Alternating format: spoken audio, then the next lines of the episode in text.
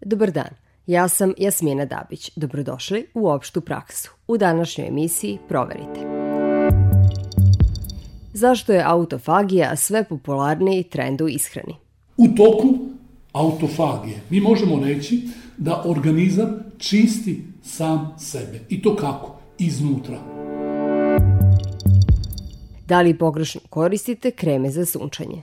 Dobra krema za sunce mora pre svega da bude bez parabena, antikomedogena, antialergijska, da bude dermatološki ispitana.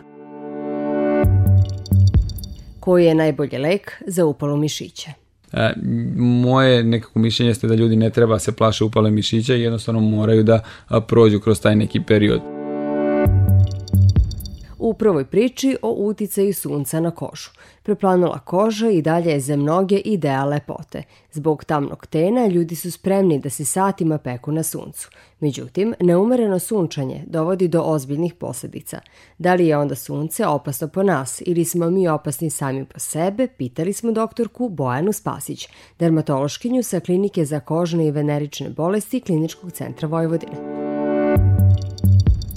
Sunce je naš prijatelj ali može biti veliki neprijatelj ukoliko se neodgovorno ponašamo na suncu. Neodgovorno ponašanje podrazumeva da se leti kada su UV zraci najopasniji i ne sklanjamo se sunca kada je ono najjače, to jest od 10 do 17 sati taj trend te tamne preplanule kože je stigao kod nas sa tim latinoameričkim lepoticama 70. i 80. godina, a mi, naš fototip kože nije takav.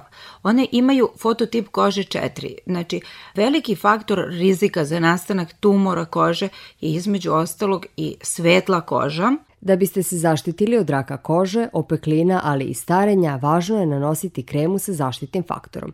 Doktorka nam daje osnovne smernice na koje treba da obratimo pažnju prilikom kupovine. Dobra krema za sunce mora pre svega da bude bez parabena, antikomedogena, antialergijska, da bude dermatološki ispitana, Sledeće važno pravilo prilikom izbora kreme je zaštitni faktor. Krema mora imati zaštitni faktor 30 ili više. U debelom sloju na celo telo nanosi se pola sata pre sunčanja. Nemojte zaboraviti uši, ušne školjke, nemojte zaboraviti tabane, dlanove, naravno kompletna koža se maže, pa neka doza bude otprilike polovina kafene šoljice je potrebno za jedno mazanje. Nanosite kremu svaka dva sata kada ste na otvorenom. Stručnjaci navode kako nakon dva sata krema gubi zaštitni sloj te više ne može štititi kožu. Osim toga, kreme treba ponovo nanositi i nakon plivanja i brisanje peškirom, jer nisu vodootporne. Velika je zabluda da je boravak ispod suncobrana zaštita. To nije zaštitom, zato što se ultravioletni zraci reflektuju o velike površine, kao što je more, kao što je pesak, velika je refleksija. Mi se zračimo, sve vreme se zračimo. Mala deca ne bi se smela izlagati suncu. Doktorka Spasić je navodi kako maloj deci nije dobro ni stavljati kreme za sunčanje zato što je njihova koža jako osetljiva, te roditeljima preporučuje da decu drže podalje od sunčevih zraka bebe i deca do trećeg godina života ne smeju da se sunčaju, ne smeju biti izložena direktnom dejstvu ultravioletne radijacije. Zašto? Zato što je njihov sistem, ne, nezroj sistem pigmentacije, koža je tanka, osetljiva, Decu stariju od tog uzrasta svakako treba zaštititi kremama za sunčanje i to onim koje sadrže cink oksid i titanijum dioksid kao aktivne sastojke. Ti sastojci odbijaju sunčevu svetlost, nisu toksični, ne izazivaju alergije, ali ostavljaju beo trag prilikom mazanja. Drugi tip krema su one koje sadrže hemijske faktore i na njima obično piše da štite i od starenja kože, odnosno UVA, i od karcinoma kože, to jest UVB zračenja. Ne zaboravite da je i nega kože nakon sunčanja veoma važna jer koža uvek mora da bude hidrirana. Koža je pokazatelj našeg zdravlja, ogledalo načina života i iskreni kritičar naših životnih navika. Očistite podmladite, dajte joj novu snagu. A kako? Otkrivamo u nastavku opšte prakse. Mi svakog dana treba da čistimo i da peremo i da kupamo naše telo i to je dobro treba da vršimo detoksikaciju i čišćenje naših creva. Ali ono što je bitno i što je važno takođe jeste to da mi treba da očistimo i naše ćelije, naše organe iznutra. A upravo se to dešava u toku autofagije. Autofagija je odgovorna za obnovu tela, borbu protiv infekcija i odvođenje toksina. Nepravilnosti u procesu autofagije su povezane sa različitim bolestima, uključujući rak, diabetes tipa 2 i Alzheimerovu bolest, objašnjava specijalista interne medicine dr. Dragan Ivanov. Ono što je jako bitno i značajno, da pomaže i u prevenciju i 100% pomaže u terapiji i gojaznosti i šećerne bolesti, pre svega šećerne bolesti tip 2. Postoji još jedna bolest koja se zove insulinska rezistencija i hiperinsulinemija koja je posledica insulinske rezistencije i u e, prevenciji i terapiji ovog zdravstvenog problema mi treba da se koristimo ovim lekom. Mada je taj koncept poznat duže od pola veka, njegov značaj je promenjen nakon istraživanja Jošinorija Osumija. Za rasvetljavanje pozitivnog uticaja autofagije na obnavljanje ćelija, tom japanskom naučniku dodeljena je 2016. Nobelova nagrada za fiziologiju ili medicinu. Autofagija, ta reč znači jedenje samoga sebe ili samo jedenje.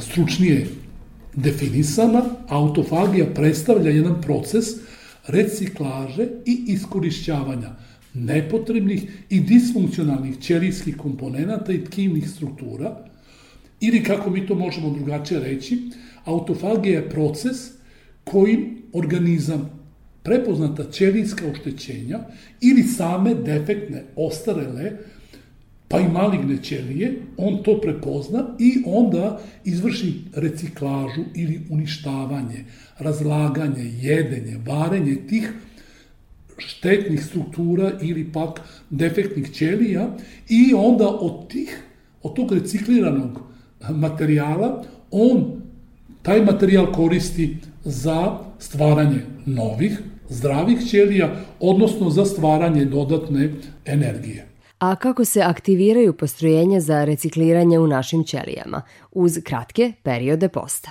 Znači potrebno je da prođe 12 sati od poslednjeg obroka i nakon toga autofagija i seliteljski, ovaj moćan terapijski mehanizam će biti aktiviran. Formula uspešnog i zdravog gladovanja meri se u okviru od 24 sata. Uzimanje hrane preporučivo je u periodu od 8 sati, dok se suzdržavanje od hrane i pića koja nije voda nalaže u preostalih 16 sati. Ako je recimo zadnji obrok u 3 sata popodne, u 3 sata posle ponoći, znači to će biti 12 sati, uključit će se autofagija i ona će da odradi svoj posao od 3 sata recimo do 8 sati ujutru, Znači, u narednih 5 sati od 3 do 8 do doručka autofagija će se aktivira i uradi one svoje lekovite terapijske mehanizme, odnosno svoje lekovito terapijsko dejstvo. Druga opcija jeste da se tokom sedmice pet dana normalno jede, dok su dva dana u nedelji rezervisana za post. Znači, mi smo ručali danas popodne u 3-4 sata i sutra do zalaska sunca ne jedemo ništa. Tu će biti, znači, koliko, tu će biti jedno 30 sati gladovanja i za to vreme će se napraviti veliko spremanje. U periodima tokom kojih uzimamo hranu nije svejedno šta jedemo i u tim periodima ishrana treba da bude pravilna. Znači mi treba da imamo redovne obroke i ti obroci moraju da budu definitivno završeni. Znači ujutru ustanemo, doručkujemo. Završimo doručak i 5 sati ne jedemo ništa. Za ti 5 sati želu da će svariti hranu za 4 sata, pola sata će se odmarati, a onda će pola sata imati vremena da pripremi sokove za sledeći obrok. I mi onda ponovo sednemo i jedemo, i kad je vreme obroka, onda jedemo, kad završimo obrok, ne jedemo ništa više do sledećeg obroka. Pozitivni efekti posta poznati su od pamtiveka. Biblija opisuje 40-dnevni post Isusa i Mojsija. Islam postavlja ograničenja u hrani tokom svetog meseca Ramazana. Herodot je napisao da su Egipćani tri dana svakog meseca postili zbog sistematskog oporavka. Nikola Tesla je primjenjivao autofagiju. I takako.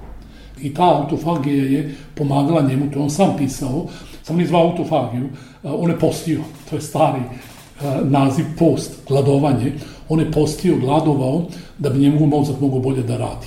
Jer u toku gladovanja, znači melatonin se luči u velikim, velikoj koncentraciji, hormoni radosti, endorfini, serotonin se, dopamin takođe skače i naš mozak bolje radi i emocije se stvaraju pozitivne, Dolazi do pada krvnog pritiska kao i nivoa šećera, a padaju i vrednosti koje ukazuju na neki upalni proces u organizmu. Ćelije bez hrane troše svoje rezerve. Tako se raspadaju stare, oštećene ćelije koje mogu izazvati teške bolesti poput kancera ili neurodegeneracije, a istovremeno se dobija na energiji. Propratni efekat autofagije je mršavljanje, dok je za njeno posticanje korisna fizička aktivnost. To je tema naše sledeće priče.